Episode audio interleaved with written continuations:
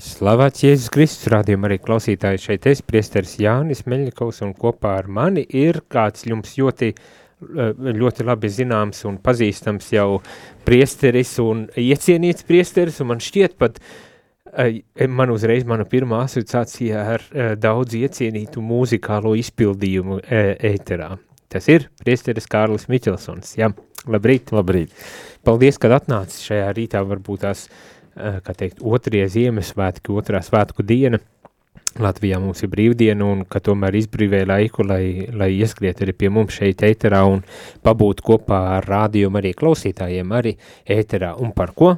Protams, par Ziemassvētkiem, par ko citu. Uh, rādījumu arī klausītāji, jā, esam dzīvajā un tas nozīmē, ka, ja klausāties mūs un esat pieslēgušies rādījumu arī uh, ēteram šajā brīdī, tad jūs esat pareizi pieslēgušies, un tas nozīmē, jūs varat arī uzdot savus jautājumus, varbūt tās padalīties ar to, kā jūs esat nosvinējuši Ziemassvētkus.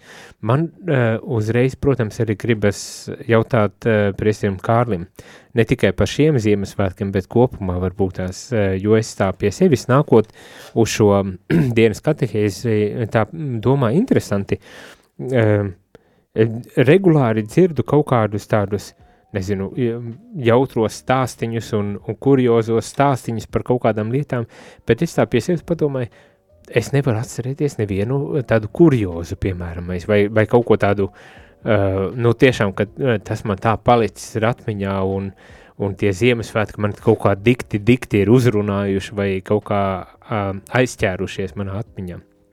Kā, vai tev ir kaut kas tāds? Tā? Es tagad aktīvi domāju, bet es uh, neatceros nec no uh, bērnības, ne, no bērnības, nu tur dzējoļi un, uh, un, Ai, tā, un dāvans. Mokas, tā, jā, bet uh, tad ir jāpadomā, varbūt katehēzes laikā es atcerēšos kādu notikumu.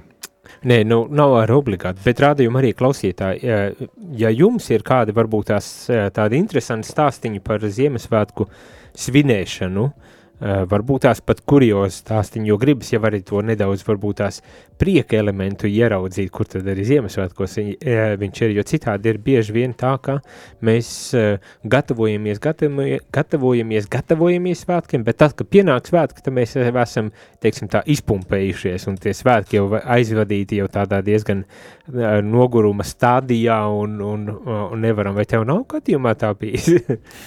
noguruma stadija pēc Ziemassvētkiem.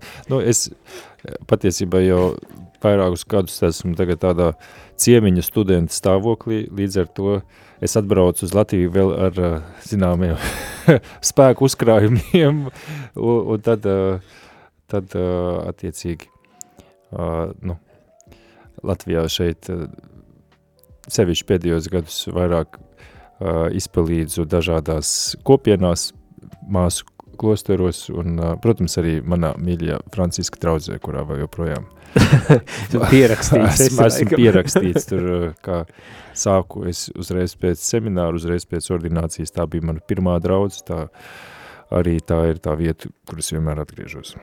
Man ne, bet es vienkārši arī nedaudz padomāju par sevi, tā, kad es biju aktīvi uh, draudzē, mani pēc ordinācijas Liepājā nozīmēja draudzēs, un kad es biju tajās draudzēs, es atceros Ziemassvētku laiku, un vispār jau tie lielākie svētku laiki parasti ir nedaudz tādi stresaināki un drudžaināki, un, protams, arī vairāk cilvēku ir, un līdz ar to paņem to enerģiju galu galā. Uh, jā, nu, svētku laiks, protams, ka tāpat kā svētdiena priesterim ir ļoti priecīga diena, bet tā viennozīmīgi nav brīvdiena. tāpat arī uh, šie svētki, kur ir vairāki atbildīgi dievkalpojumi un dažādi arī draudzes pasākumi, protams, ka viņi prasa arī diezgan daudz spēka. Un tad aiziet tā enerģija. Rādījumā arī klausītāji atgādināšu jums telefonu numuru, jo gribētu dzirdēt, kā te jūs varbūt tās svinat eh, vai nosvinējāt šos uh, Ziemassvētkus, šo Kristus dzimšanas svētkus. Es saprotu, droši vien lielā daļa aizgāja arī uz baznīcu, un ne tikai priesteri galā galā bija baznīcā. Man par milzīgu pārsteigumu sen jau laikam nebija bijis tādu tik lielās svētajās misēs, kur, nu, piemēram, Alberti, kur pat kājās stāvēja cilvēki, kas pieļauj, ka 400-500 cilvēki vismaz tajā baznīcā bija sanākuši tā kaut kā sarunā ar prāvestu, noskaidrojās, kad uh, varētu būt tas, tas skaidrs, vai ne? Nu, kad cilvēki nāca uz baznīcu. Tu, tas ir, es ceru, ka tāds, man pat gribētos teikt pašsaprotam, kad aizējam uz baznīcu, īpaši esam katoļi, vai ne? Jā, es regulāri. Es regulāri gan svētdienās, gan svētkos es cenšos apmeklēt Dažreiz tur nāk arī biežāk. Bet rādījuma arī klausītāji, jā, es tikai gribu uh, pateikt, kad uh, būtu interesanti dzirdēt no jums, kā, kā jūs uh, esat aizvadījuši šos Ziemassvētkus un kas varbūt tās jums ir bijis tas, uh, kas aizķēries jūsu sirdī vai atmiņā šo Ziemassvētku uh, uh, svinēšanas laikā. Es domāju, būtu interesanti ne tikai man un Priestam un Kārlim dzirdēt, bet arī citiem rādījuma arī klausītājiem. Uh, tā kā padalieties, uh, telefona numuri 266 77 272, šis ir, lai rakstītu īziņas, atkārtošu vēlreiz 266 77 272, bet, ja vēlaties zvanīt, lai aprunātos šeit ēteram, tā telefona numurs ir 67 962 9, 1, 3, 1. Jā, gaidīsim jūsu ziņas, bet uh, tagad aizējām mazā muzikālajā pauzītē un tad atgriezīsimies, lai tu turpinātu šo uh, dienas katehēzi tādā ļoti vieglā un varbūt pat jums neierastā formātā, vismaz manā izpildījumā.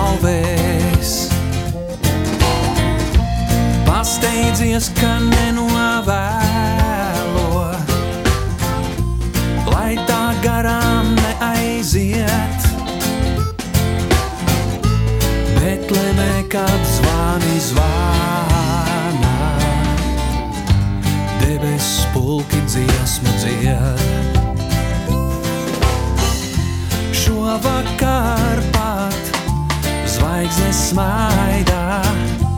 Eņģeļi, kad dievu teic, un piesāpju laustām sirdīm, prieka vēsti ziņots teic. Nomet smago rūpju nastu, dvēsele lai brīva tu.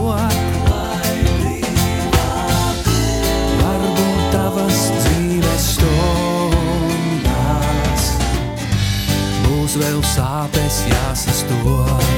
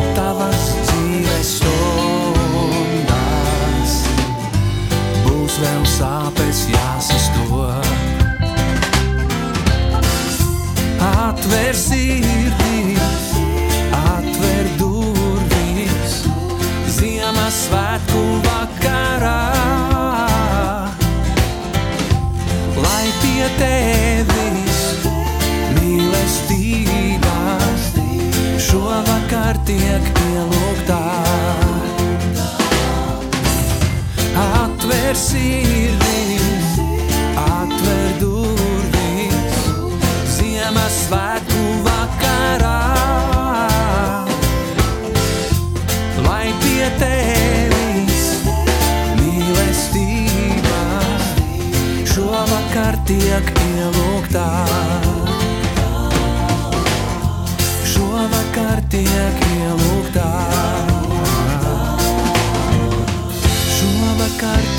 Ielūgtā.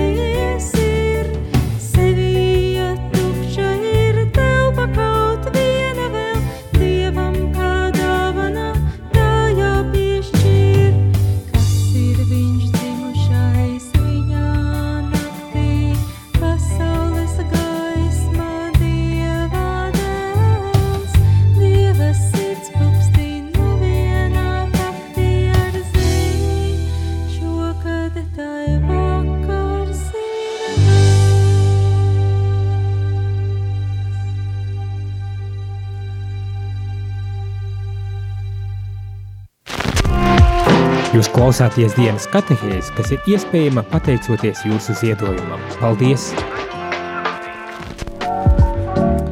Labrīt, labrīt, rādījumā arī klausītāji šeit es priesteris Jaunis un man ir priesteris Kārlis eh, šajā agrējā rīta stundā. Labrīt, slavēts Jēzus Kristus. Un mums ir viens telefons zvans. Lūdzu, Nu, Kristus ir piedzimis. pat tiešām ir piedzimis Valentīna, prieks dzirdēt. Jā, Es mm, vakar biju baznīcā, savā draudzes baznīcā Dobelē, un, un baznīca bija pilna, pilna bija, un, un bija mums koris Vizma viesojās pie mums ciemos un ļoti, ļoti skaisti dziedāja, un pēc tam koncerts bija pēc mises, un, un ļoti skaisti pavadījām to dienu, un, un pēc tam agapīte bija, nu, un, un tādā kā vakarā tāda radio Marija, jo es jau viena pati tikai dzīvoju, un, un ko citu atkal, un paldies, ka jūs tādi esat, un kad ar jums varēja klausīties, paldies visiem brīvprātīgiem, visiem, visiem, visiem, un es novēlu visiem muciņu laimes, kausiņu prieka, bēdas nevienas tik laimīgas dienas, un visiem klausītājiem, un visiem, visiem, visiem, lai veselība, veselība, veselība, un gaiši Ziemassvētki visiem. Un laimīgu jauno gadu visiem. Un tiešām vēlu. laimīgu jauno gadu. Sirsnīgs paldies, un es eh, ceru, ka no jūsu muts dieva ausī, eh, kad visi be, Jā, ar, ar... paldies, ka jūs tādi esat mums veciem cilvēkiem. Tas ir ļoti stiprinājums labs. Pal... Mūsu mīļā ģimenīte visam, garīgai ģimenīte visiem, visiem sveicieni, lai veselība visiem. Jā, nu te ir jāpievienojas Valentīnas kundzei šajos sveik, sveicienos un laba vēlījumos un kā tur bija muciņa bez... Uh, muciņa, laimes kausiņš, uh, prieka vai veselība. Katrā ziņā ļoti skaists poetisks novēlams un nāk no pašas sirds. Lielas paldies Valentīnai. tieši tā, tieši tā. Uh, cerams, ka tā arī būs, bet, nu, jā, kas to lai zina. Bet starp citu, šodien mēs svinam arī svētā Stefana mocekļa dienu, un varbūt tās no mācīta cilvēka kārļa varētu dzirdēt nelielu mazu komentāriņu, jo es tā domāju, nu, kā tas nākas? Ir Ziemassvētki, mēs nu pat kā sākām svinēt tikai Kristus dzimšanu, un viss tas prieks un tas, tas aizrautība, kas nāk ar šiem svētkiem, uh, Un jau nākošajā dienā, principā, mēs svinam nāvi. E, e, nu, es tā dramatizēju šajā gadījumā, bet mēs svinam moceklību, e, pirmā mocekļa e, svētku dienu.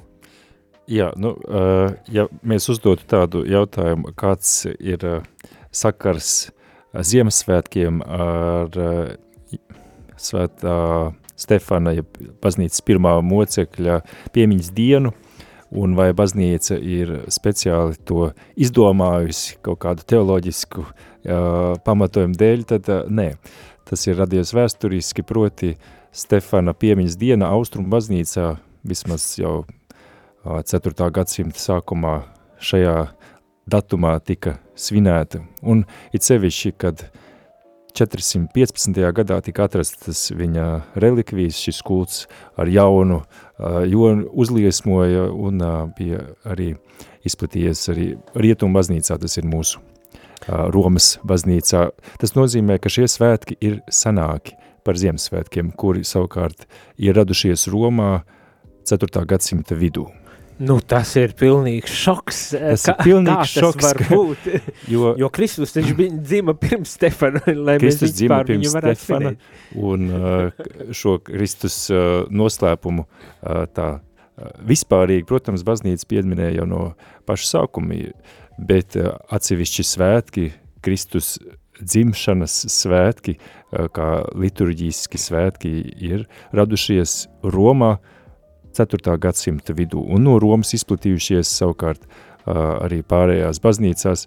Savukārt Epifānijas svētki ir, kurā arī tiek pieminēts šis Kristus cimšanas noslēpums, bet arī Kristus parādīšanās, kā viņa pirmā brīnums kānā vai arī šo triju ķēniņu apciemojums, tad uh, ir senāki par Ziemassvētkiem, tie ir raksturīgi Austrum baznīcai, un no Austrum baznīca ir izplatījušies pārējā kristīgajā Bet pasaulē. kāpēc tad Latīņu baznīca ir izdomājusi Romā, kad vajag tādus svētkus svinēt?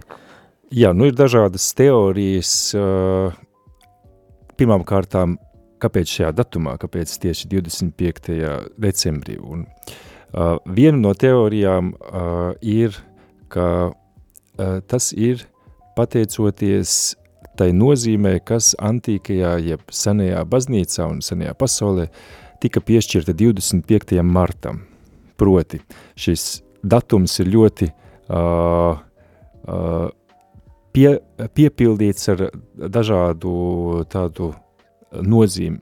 Pirmkārt, kārtām jau uh, jūdiem uh, šis datums bija kā uh, radīšanas uh, diena, un, un savukārt kristiešiem uh, agri uh, viņi izplat, izplatījās tāda doma, ka šī būtu diena, kurā Kristus ir ieņemts, un diena, kurā viņš arī ir nomiris.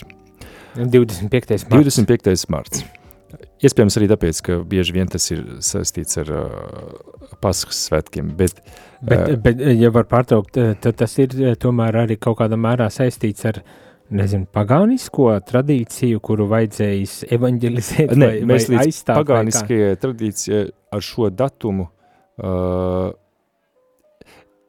es nezinu, godīgi sakot, kādas ir bijušas vēl citas uh, vēl, vēl kaut Manuprāt, nē, manuprāt, drīzāk tas ir kristiešu, uh, kristiešu interpretācija šim datumam, kas jau jūdiem bija Aha, tad svarīgs. No jūdu tas nozīmē, saknēm, drīzāk ja? šajā gadījumā ir kā jūdu uh, tradīcija, kas ir uh, pārņemta kristietībā un piepildīta ar citu saturu. Proti 25. marts, tā daudzi kristieši pirmajos gadsimtos uzskatīja, tas ir datums, kurā Kristus ir ieņemts un kurā Kristus ir nomirs. Bet ja Kristus ir ieņemts 25. martā, tas nozīmē, ka pēc deviņiem mēnešiem mēs nonākam līdz 25. decembrim. Gluži kā mēs svinam arī uh, jaunavas Marijas bezvainīgo ieņemšanu 8. decembrī un viņas dzimšanas dienu 8. septembrī un uh, tāpat arī Jāņa Kristītāja dzimšanas dienu un viņa mociklību. Nē, bet, tagad, es, tagad, ma, tagad es mānos, jo mociklību mēs svinam citā datumā.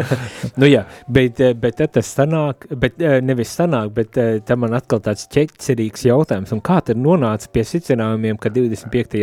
Jēzus tika ieņemts?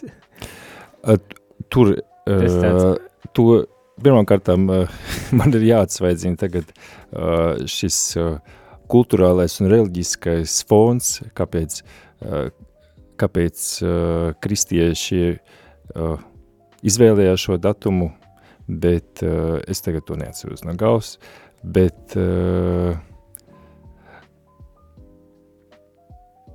Nu jā, tas varbūt tas arī nebūtu tas uh, svarīgākais, bet... Es tagad domāju vienkārši, vai, vai es varu kaut kā intuitīvi to izskaidrot, bet es drīzāk nevaru, es vienkārši to varu piefiksēt kā vēsturisku fenomenu, kurš mums ir nonācis arī rakstiskās liecībās, proti, ka ir kristiešu autori un liecības par to, ka tāds uzskats pastāvēja. Kristus no jā. ir ieņemts šajā datumā un Kristus ir nomiris šajā datumā.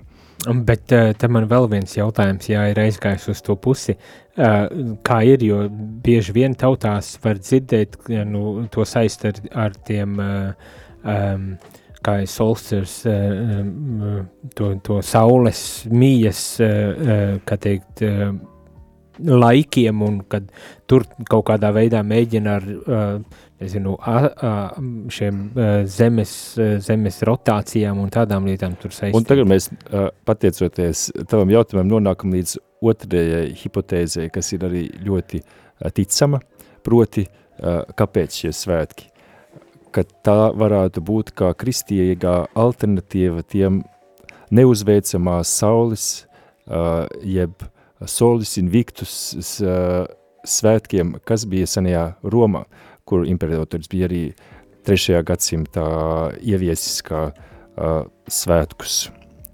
Un uh, kristieši, kur nepielūdz sauli, un kāpēc šajā uh, dienā sauli, protams, tāpēc, ka saistīts arī ar ziemas saulgriežiem ar to, ka uh, ap šo laiku uh, dienas atkal kļūst garākas un saule atkal sāk uh, dominēt, ja tā var pateikt, uh, arī mūsu uh, kosmiskajā telpā, uh, kas attiecās vismaz uz dienas garumu un nakts uh, saīsināšanos. Bet uh, šī ir ļoti ticama arī uh, hipotēze, jeb skaidrojums, proti kristieši, kas vēlas uh, piedāvāt alternatīvu šiem pagāniskajiem saules svētkiem. Bet ir vēl trešā, ja ne hipotēze, tad drīzāk skaidrojums, kāpēc šie svētki tik ātri izplatās visā kristīgajā pasaulē, sākot no Romas baznīcas. Proti, ka tas piedāvāja iespēju runāt par tajā laikā ļoti svarīgiem teoloģiskiem jautājumiem, proti par Kristus dievišķību un par viņa patieso cilvēcību. Ja mēs zinām no uh, kristīgās vēstures, ka šis ir arī laiks, uh, kurā tiek sasaukts pirmais nīkais koncils, tas ir 325. gadā, un vēl pēc tam sakojošie koncili runā un cenšas definēt patieso katolisko izpratni par šo noslēpumu, kas ir Kristus. Patiesa cilvēks un patiesa dievs. Un šajā laikā arī ir dzirdamas uh, citas domas, citi, cita izpratne par to, ka Kristus būtu augstākā, bet tomēr radība, zinām, ariānisma mācība, piemēram, un lai uh, uh, ortodoksi un uh, atbilstoši baznīcas definētajai koncilos izteiktajai mācībai, runāt par šo noslēpumu, Ziemassvētki piedāvā ļoti, ļoti uh, izdevīgu iespēju. Runāt par to, ka šeit ir, mēs svinam Kristus mūžīgā vārda iemiesošanos, kas uh, ir patiesas Dievs un patiesas cilvēks, un uh, arī uh, mums ir saglabājušies apmēram desmit Leona lielā, tas ir nedaudz no vēlāka gadsimta uh, sprediķiem tieši Ziemassvētkos. Tieši Ziemassvētkos, redz, kā man šķiet ļoti informatīvi sanāca no jautājuma par Stefanu un kāpēc pēc Ziemassvētkiem svinām moceklību, nonācām līdz skaidrojumu par Ziemassvētkiem. Un par Stefanu es nemaz nepaskaidroju. Jā, un, un tāpēc es tā kā gribēju atpakaļ, un kā, kāpēc, labs un ir no Ziemassvētki skaidrs, jā. bet kā ir ar to Stefanu? Un ar kāpēc? Stefanu, pirmām kārtām mēs varam runāt par uh, svēto kultu baznīcā un uh, pirmām kārtām tie ir mocekļi, kurus pirmo gadsimtu kristieši, pirmo gadsimtu vietējās baznīcas piemin. Un uh, Stefans ir uh, pirmais baznīcas oficiālais moceklis, kurš ir uh, pēc Kristus augšām celšanās un uzkāpšanas debesīs apliecinājis savu ticību uh, līdz pat nāvei. Bet uh, sakojošo trīs gadsimtu laikā uh, un uh, kristiešu vajāšanās uh, nomocītie vai nogalinātie mocekļi tika godināti vietējā baznīcā. Sākotnēji tā bija vietējā kristiešu kopiena, mm -hmm. kas pieminēja, atcerējās savus ticības brāļus, tos varoņus, bet uh, drīz vien ir izplatījās šis mocekļu kults, kā piemēram Sicīlijas moceklis uh, Agate un uh, Lūcija, arī pārējā baznīcā, vēlāk, kad izplatās relikviju kults, kad relikvijas tiek pārnest no vienas baznīcas uz otras, ir jau vēlāk viduslaika, tad šo svēto pieminēšanu kļūst aizvien populārāk. Bet pirmām kārtām tiek pieminēta viņu dzimšanas diena debesīm, tas ir viņu nāves diena, moceklības diena. Un ar šo datumu arī ir saistīta liturģiskā piemiņa visbiežāk baznīcā. Kāpēc tieši šis datums? Tāpēc, ka vietējā baznīca uzskata šo dienu par konkrētā mocekļa nāves dienu. Un līdz ar to šis konkrētais datums tiek saistīts ar, ar, arī liturģisko piemiņu. Ir dažādi izņēmumi, ir arī gadījumi, kad uh, relikviju atrašana vai relikviju pārnešana nosaka šo piemiņas datumu, bet uh, mums ir liecības no apmēram 4. gadsimta sākuma, kā austrumu baznīcā šo datumu jau nu, piemin kā svētā lūk, Stefana jā. dienu. Tad izrādes viss ir daudz vienkāršāk, bet, bet bieži vien arī mēs tā kā mēģinam interpretēt arī šīs uh, šķietami nejaušās sakritības vai, vai, vai tādas ļoti racionāli izskaidrojamas eh, procesi, kas ir novaduši pie kaut kādiem konkrētiem eh, datumiem, lēmumiem, izskatiem. Tiem ir, jā, šiem datumiem ir uh, dažādi, da, dažādi apstākļi, kas viņus ir noteikuši. uh, bet uh, jā, es pazaudēju domu, es atcerēšu, tas bija kaut kas par Svēto Stefanu. Bet uh, kamēr, kamēr priesteris Kārlis domā, es nolasīšu vienu īziņu, kas ir iesūtīta uh, par to, kā tad ir aizvadīti šie svētki. Uh, un, un, un tad varbūt tā būs attaulis atmiņā, ja ne, tad, mm. tad rādījumā arī klausītāji nebaidieties zvanīt vai rakstīt īziņas, lai padalītos, kā jūs esat nosvinējuši svētkus. Es pieļauju, ka varbūt tās tas ir jautājums, kuru katru gadu uzdodam un katru gadu arī gribam dzirdēt atbildi, tā kā nebaidieties rakstīt. Telefona numurs 266 77 272, jeb zvanīt 67 969 131. Protams, arī varat uzdot priesterim Kārlim visādus interesējošus jautājumus, jo viņš ir speciālists šitādās lietās par ar liturģiju un ar, ar, ar baznīcas kalendāru laikam saistīts līdz ar to arī drusku vai ne, un, un tā tālāk, lai gan, nu labs ir, bet tagad īziņa, ko, mm, ko esam saņēmuši, sirsnīgi un gaiši svētki katram, kas priecājās, kas meklē prieku. Vigilijas svētajā misē mani bija manām ierēbis, nobražāta izskata cilvēks, viņš centās visādi izrādīties ar saucieniem, komentēt, bet bez agresijas.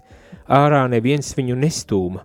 Miera sveicienā laikā tas cilvēks pienāca man klāt un pasniedz roku.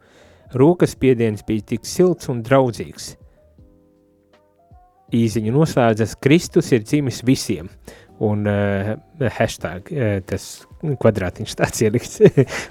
Skaisti. Nu, nu, arī šāda pieredze, vai ne, notiek baznīca, vai ne? Uh, Uh, un kas arī ir skaisti, tiešām, mm. ka netiek izstumts ārā un, un aiz tikai tādēļ, ka viņš varbūt tās ir uzsācis agrāk svinēt vigiliju, vai kaut kā tam līdzīgi.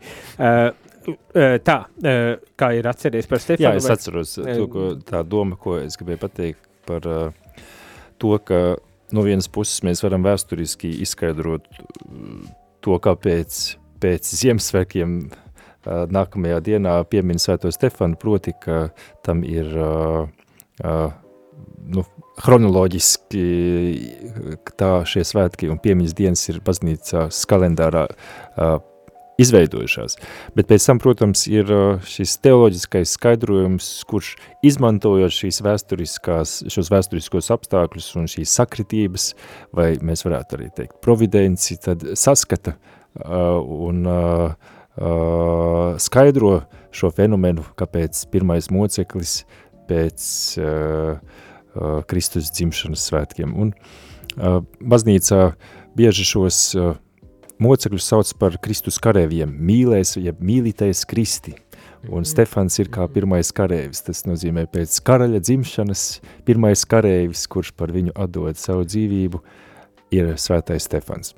Un tieši uh, varbūt, nezinu, pēc uh, muzikālās pauzes var arī pateikt, pastāstīt par kādu interesantu tradīciju, kas pastāv vēl, jo uh, šobrīd tieši šajā Stefana dienā tiek svētītas auzes. Būs jā. interesanti varbūt Tieši. uzzināt vēsturiskos apstākļus, kā izveidojušies, izveidojusies šī tradīcija. Burvīgi, tad ejam muzikālā pauzītē un tad par auzām un Stefanu un svētību auzām.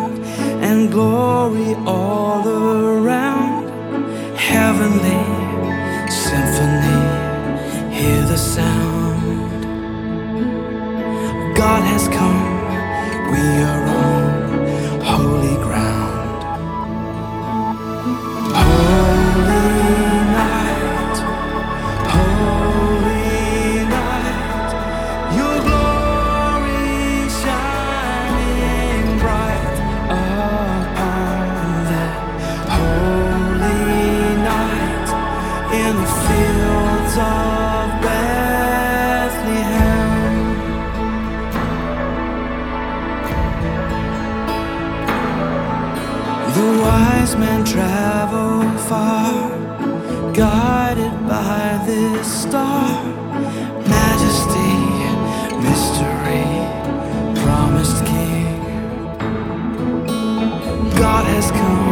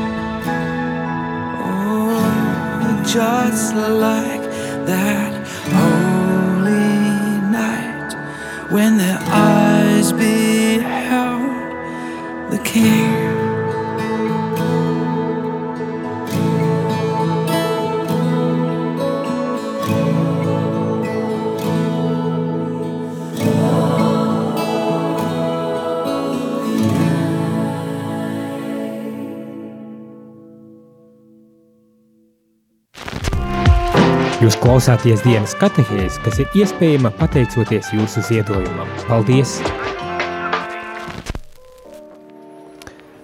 Labdien, labdien!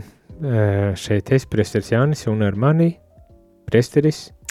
Priesteris Kārlis Miķelsons, labrīt un slavēts Jēzus Kristus, vai Kristus ir piedzimis. Patiešām piedzimis. Pirms muzikālās pauzes ē, bija runa par Svēto Stefanu, un tad parādījās tāda doma, ka šodien var svētīt auzes, un, un tad tu soli, ka paskaidros, kas tur ir, jo man arī pašam bija šorīt no rīta svinot svēto misu un par, paskatoties rūbricelā, kad var auzes svētīt. Un es domāju, nu mēs esam auzās, jā, kas, kas tur ir lietu? Jā, man no rīta, rīta agrumā uzdeva seminārists pēc svētās misijas, jo jautāju, kāpēc, kāpēc auzas, un es tajā brīdī vēl nebiju pietiekami uh, koncentrējies, lai atbildētu, bet tad uh, auzas svētīja, tāpēc, ka auzas ēd zirdziņi. Un uh, kādreiz šajā dienā tika svētīti arī zirgi, un kāds sakars svētiem Stefanam ar zirgiem, tad uh, ir mums atkal no uh, šiem uh, vēsturiskās pētniecības uh, rezultātā rodas dažādas hipotēzes, un viena tā diezgan ticama ir, uh, proti mums ir kā fakts parādās jau uh, ap uh, gadu tūkstošu mīju un pēc tam arī nedaudz vēlāk, ka tiek svētīts, tiek pieminēts saistīts Stefans ar zirgiem un ar auzu svētīšanu, vēlākajos viduslaikos šī praksi arī ir pieminēta un saglabājusies vēl šodien. Kāpēc? Visticamāk, tas ir saistīts, un šajā gadījumā tas ir piemērs tam, kādā uh, kultūra uh, tiek kristianizēta proti ģermāņu ciltis, kuras uh, ap vas ziemas saulgriežiem uh, uh, arī uh, uh, gan uh, baroja dzīvniekus, gan arī uh, veids, zināms, kādas auglības kultus, tad uh, baznīca ir uh, pārveidojuši šo tradīciju Un šie cilvēki, kuri ir uzņēmuši kristīgo vēsti, viņi ir šajā veidošanās procesā arī ietekmējuši šo tradīciju tādā ziņā, ka ģermāņiem dievības jājus zirga. Viņi visi galvenie dievi ir nu, arī saistīti visticamāk ar karošanu, bet tie ir tādi, kas jājus zirga.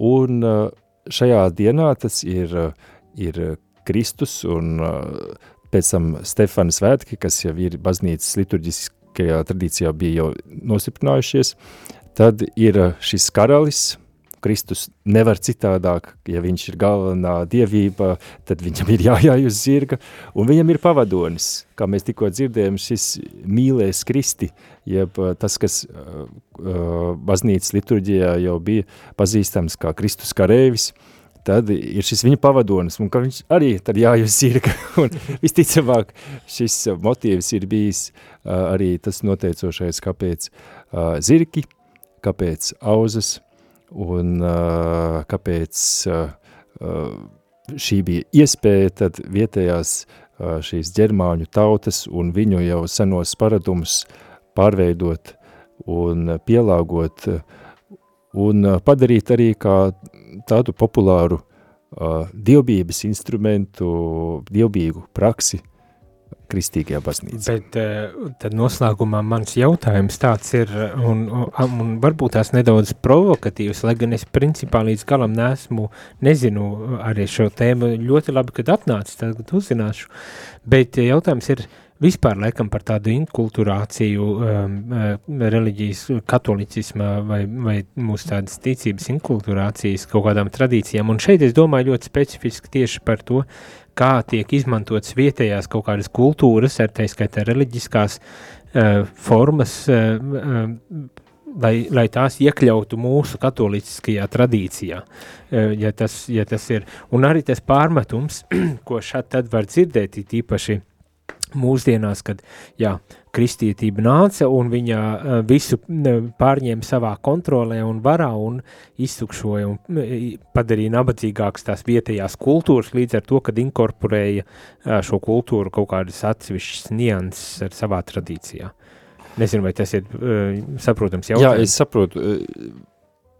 Nu, varētu teikt, ka uh, baznīca pārdomājot šo jautājumu un vēl joprojām ir kultūras un tautas, kurā kristietība ienāk šobrīd, kurā tas ir aktuāls jautājums un šāds aktuāls jautājums tas bija arī 20.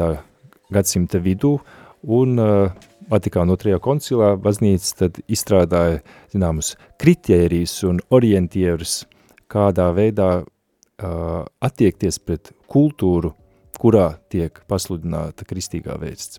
Un šie kritēriji ir pirmām kārtām saglabot to labo, skaisto un patieso, kas atrodam šajā kultūrā, ka kristietība tā nenozīmē, ka šie, varētu teikt, tā rietumu formu, rietumu pasaules, jeb senās kristīgās rietumu pasaules kultūras forma tiek pilnībā pārstādīta šajā tautā, kurai tiek sludināta, uh, sludināts evaņģēlijs, bet ka tiek izrādīta cieņa šīs tautas paražām, bet notiek arī un nepieciešams ir bieži vien šis šķīstīšanas process, atsijājot un izvērtējot tos elementus, kuri ir savienojumi ar kristīgo ticību un kuri nav. Un um, šis process ilgs, protams, un šis izvērtēšanas process notiek ilgāku laiku, bet uh, katrā ziņā baznīcas pašreizējā attieksme ir drīzāk atvērtība un uh, cieņa pret vietējo kultūru, kurā tiek pasludināta kristīgā vēsts. Tad uh, izmantot arī to, tos simbolus un to, kas uh, to, uh, nu jā, simbolus izmantot, lai nokomunicētu arī to kristīgo vēstu. Jā, un patiesībā es tagad it kā uh, runāju, tā it kā tā būtu kaut kāda jauns, uh, revolucionārs pavērsiens katoliskajā baznīcā, kaut arī uh, vēsture ir pietiekami gara, mēs atrodam dažādus piemērus, gan tādus, kur uh, šī misija ir uh, bijusi mazāk uzmanīgi, jeb iecietīgi pret vietējiem cilvēkiem, vietējo cilvēku paražām kultūram, bet tajā pašā laikā jau uh, pirmā gadu tūkstoša vidū jau redzam uh, tādu praksi, ka tajās svētajās vietās, kurās uh, cilvēki pūcējās uz savu pagānisko kultu, tur tika uzbūvēts dievnams. Tas nozīmē arī zināmā mērā, uh, ka tiek uh, pārņemta šī uh, reliģiskā prakse un izmantot kā iespēju cilvēkiem parādīt, ka tagad mēs jums neatņemam uh, to svēto, bet mēs jums parādam, ka šais, šo, šo ceļu uz, uz, uz uh, lielāko un patiesāko svētumu, kuram mēs ticam, kurš ir Kristus un uh, kas ir uh, arī viņam veltītais kults. Tas nozīmē, ka izmantot to kā iespēju cilvēkus vest pie Dieva.